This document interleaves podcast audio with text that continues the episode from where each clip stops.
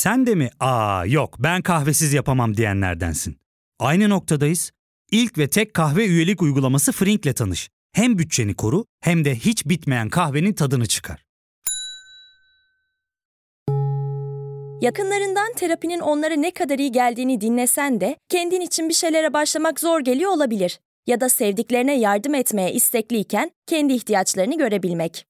Hayvel, uzman psikologlarıyla kendi ihtiyaçlarını bulmanda sana destek olacak. Terapi yolculuğuna başlamak için detaylı bilgi bölümün açıklamalarında. Müjdeler olsun Covid-19 aşısı bulundu. Aşı bulundu dertler bitti mi? Bu bölümümüzde mercek altına alıyoruz.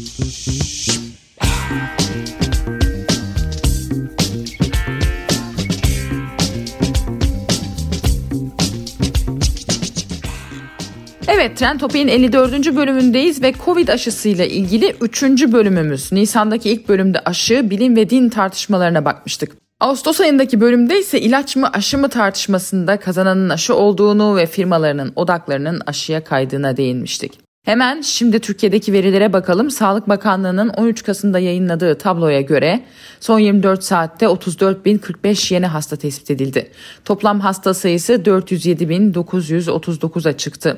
93 kişinin daha hayatını kaybetmesiyle beraber can kaybı 11.326'ya yükseldi. Uzmanlar ikinci peak seviyesindeyiz diyor. Amerikan eski başkanı Donald Trump seçimden önce aşının piyasaya sürülmesi için epey uğraştı ama kısmet Trump sonrasındaymış. Geniş denek grubu üzerinde yapılan deneylerde Pfizer ve BioNTech tarafından geliştirilen koronavirüs aşısının COVID-19 hastalığına karşı %90'dan fazla etkili olduğu açıklandı. Pfizer ve BioNTech söz konusu gelişmeyi bilim ve insanlık için büyük bir gün sözleriyle duyurdu. Söz konusu aşı adayı 6 ülkede 43.500 kişi üzerinde test edildi. Denemelerde ciddi bir güvenlik endişesi ortaya çıkmadı. Koronavirüs aşısının denendiği ülkeler arasında Türkiye'de var. Pfizer-BioNTech Kasım sonunda aşının acil kullanımı için başvuruda bulunacak. Aşı 3 hafta arayla 2 doz halinde uygulanacak. Pfizer yıl sonuna kadar 50 milyon doz, 2021 sonuna kadar ise 1.3 milyar doz aşıyı piyasaya sürebilmeyi planlıyor. Aslında Pfizer ve BioNTech arasındaki anlaşma 2018 yılına dayanıyor.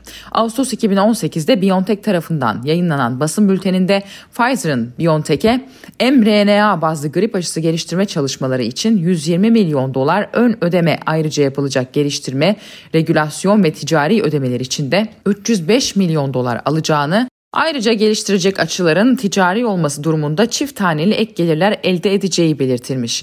Tabi burada önemli terim mRNA yani messenger mesajcı RNA.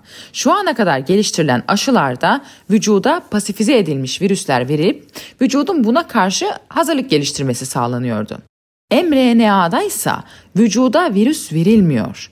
Virüste olan bilgi vücuda verilerek vücudun deyim yerindeyse kendi aşısını üretmesi hedefleniyor. Bunu yapmak için de COVID-19'un anahtar proteinin genetik kodu öğreniliyor. %90 başarılı sonuç alınan aşı da bu şekilde üretildi. BioNTech şirketinin Türk CEO'su Profesör Doktor Uğur Şahin, aşı COVID-19 salgınını bitirecek eminim diyor. Şahin Demirören haber ajansına konuştu. FDA ve EMA e, dosyaları ve çalışmalarımızı olumlu görürse eğer aralığın son günlerinde aşıyı Avrupa veya Amerika'da dağıtmayı belki onaylayabilir. Bu ama e, ilk birkaç milyon doz olur ve 2021 Ocak Şubat ayında Avrupa'ya ve Amerika'ya aşılarımızı dağıtmaya başlayabiliriz. 6. aya kadar en azından 200-300 milyon doz aşı dozu dağıtmak istiyoruz. Ama tabii bunlar başarılı olursak olabilir. Türkiye Sağlık Bakanlığı ile de görüşüyoruz ve Türkiye Sağlık Bakanlığı ile eğer işbirliği ne başlayabilirsek ve bir protokol bulabilirsek belki 2021 Ocak, Şubat, Mart aylarında Türkiye'de aşı dozları getirmeye imkan olur. Kaç doz olur Türkiye için eğer her şey mümkün olursa? Kaç doz düşünülüyor? Bunu Sağlık Bakanlığı ile görüşmemiz lazım. Sağlık Bakanlığı bizden kaç doz istediğini söylemesi lazım ve ne zaman dozları e, gerektiğini söylemesi lazım. Onları öğrendikten sonra biz de yeterince doz Türkiye'ye ayırmak isteriz tabii. Şahin ayrıca İngiliz The Guardian gazetesine de bilgi verdi, röportaj verdi. Salgını durdurup durduramayacağımız konusunda bir sorunuz varsa buna cevabım evet olur. Geliştirdiğimiz aşının koronavirüsün başını ezerek ve tüm dünyayı etkisi altına alan COVID-19 salgını bitireceğine inanıyorum. Çünkü yan etki görülen hastalarda dahi virüse karşı koruma sağlanması aşının büyük bir etkiye sahip olduğunu gösteriyor, dedi. Uğur Şahin ayrıca aşıyı ilk olarak kendisi de deneyeceğini de söyledi. Ancak elzem olan aşının dünya üzerinde de en çok nerede ihtiyaç varsa oraya gönderilmesidir. Özellikle de yaşlı insanlar, sağlık çalışanları ve özel durumu olan hastalar için diyor. Tüm gözler bu aşıda Hacettepe Üniversitesi'nden Profesör Doktor Murat Akova aşının nasıl uygulanacağını Medyaskop'ta katıldığı yayında anlattı. Bu aşı iki doz halinde yapılıyor. Pek çok benzeri gibi. Birinci ve 21. günlerde yapılıyor. İkinci doz aşıdan sonraki 7. gün yani ilk doz aşıdan sonraki 28 gün içerisinde 94 tane COVID-19'a yakalanan hasta var. Bunlar daha önceden aşılanmışlar. Ama tabii biliyorsunuz bu çalışmalar plasebo kontrollü çift kör olarak yapılıyor. Yani bu şu demek, siz e, gönüllülerin yarısına gerçek aşı yapıyorsunuz, diğer yarısına da aşı etkisi olmayan boş bir ilaç veriyorsunuz. Bu ikisini kime verdiğinizi bilmiyorsunuz.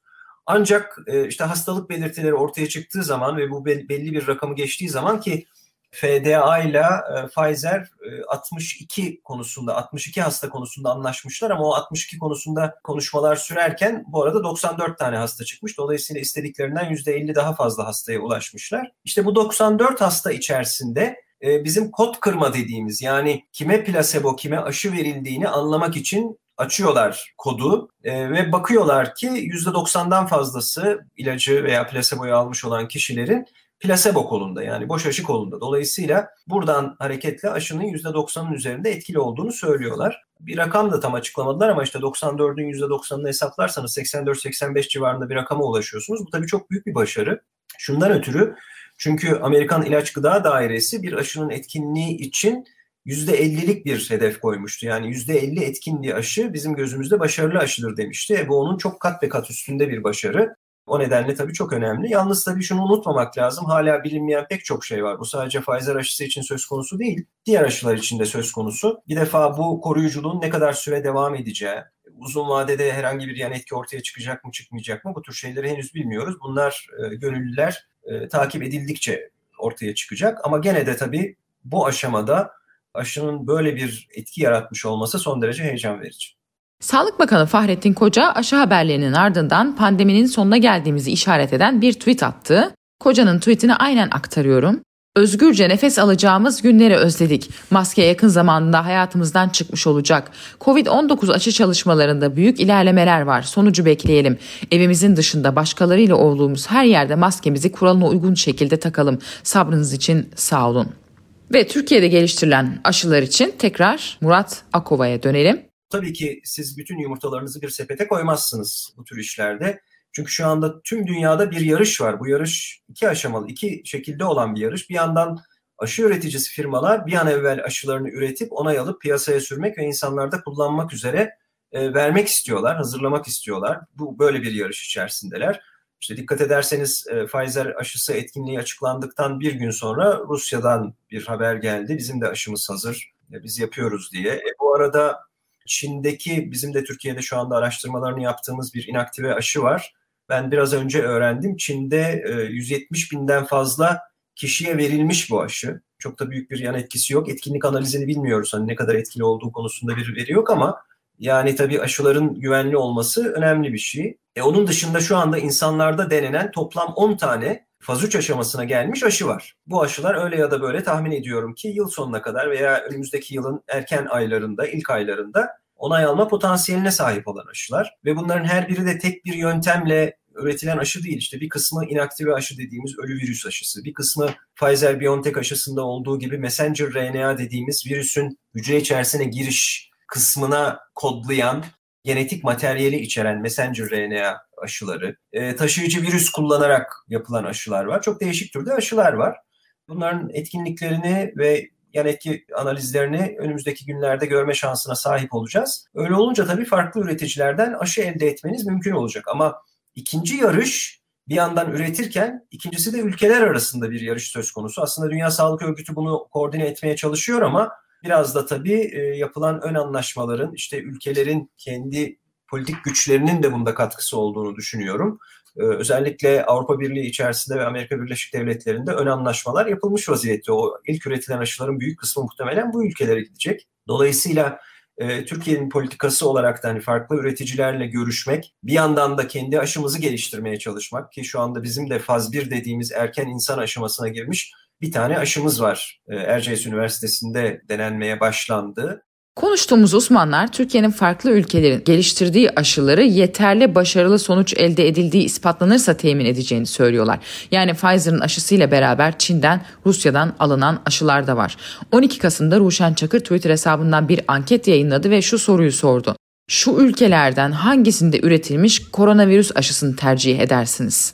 Almanya diyenlerin oranı 87.2, Rusya diyenlerin oranı %1.7, Çin diyenler %2.4, Türkiye yerli aşıyı tercih ederim diyenlerin oranı ise %8.7'de kalıyor.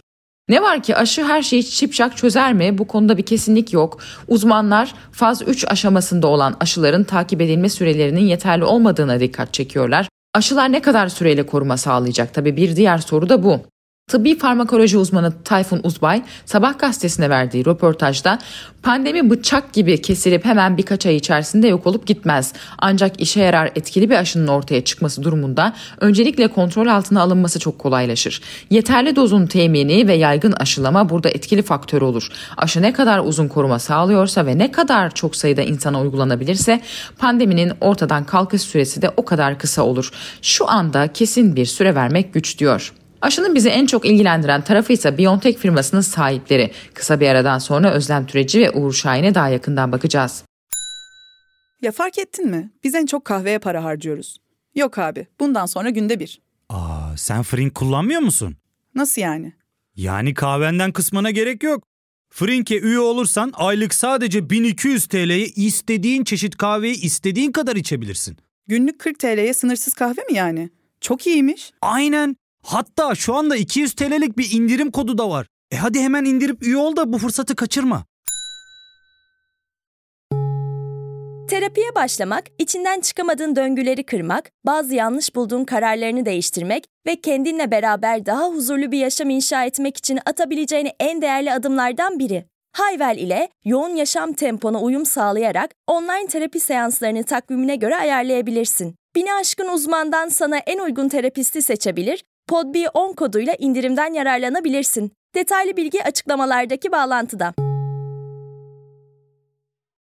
Amerika Birleşik Devletleri merkezli Pfizer'la birlikte geliştirdikleri koronavirüs aşısında %90 başarıya ulaştıklarını açıklayan Almanya merkezli BioNTech şirketi, aileleri Türkiye'den Almanya'ya göçmüş Özlem Türeci ve Uğur Şahin tarafından 2008'de kuruldu. Evli olan Türeci ve Şahin çiftinin bu başarısı son yıllarda göç konusunun tartışıldığı Almanya'da, göçmenlerin ve onların ülkeye adaptasyonlarının ne kadar faydalı olabileceğine dair bir örnek olarak gösteriliyor.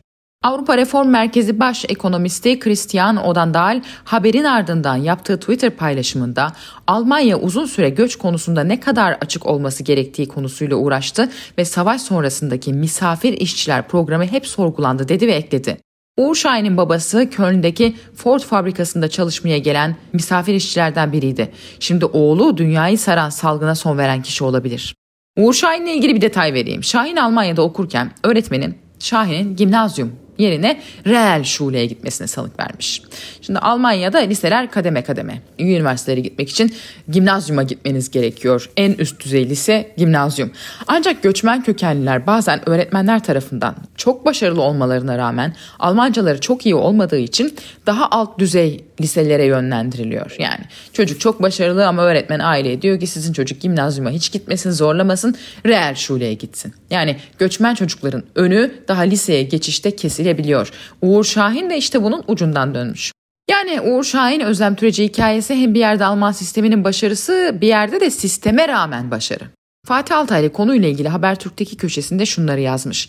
Biontech'in kurucuları ve patronları Profesör Doktor Uğur Şahin ve eşi Doktor Özlem Türeci ile hep birlikte gurur duyuyoruz.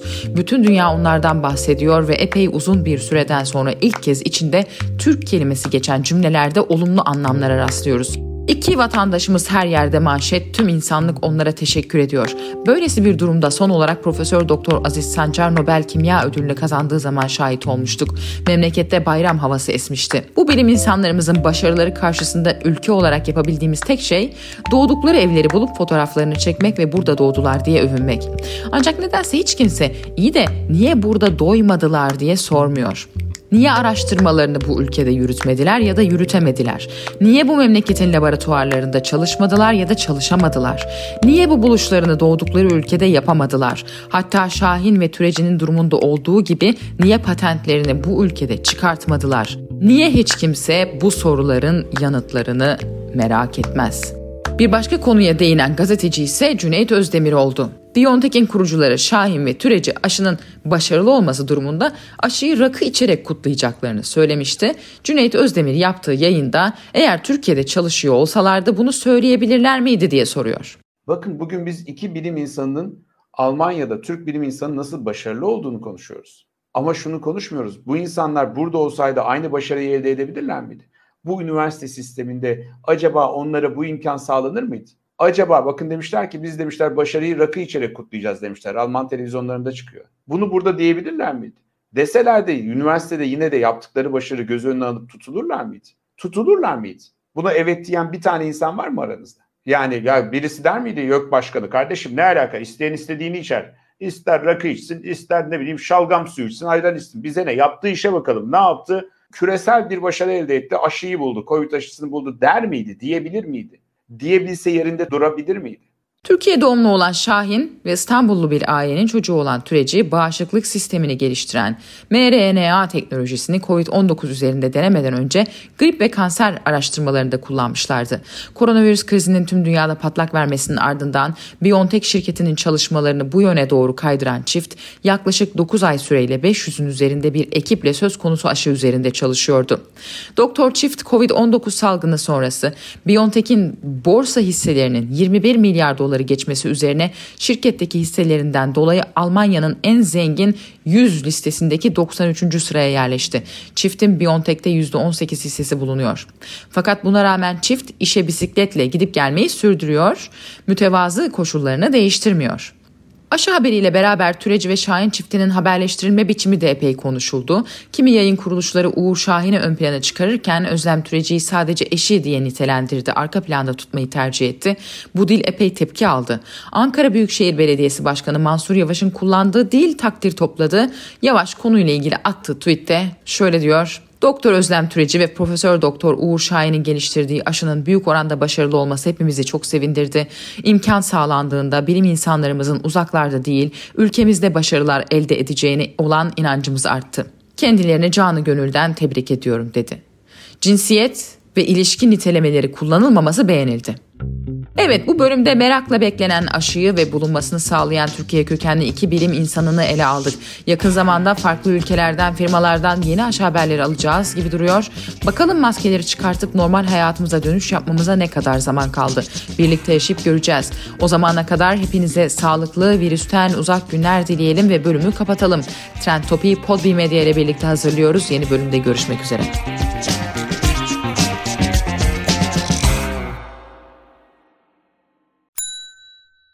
İlk ve tek kahve üyelik uygulaması Frink, 46 ildeki 500'den fazla noktada seni bekliyor.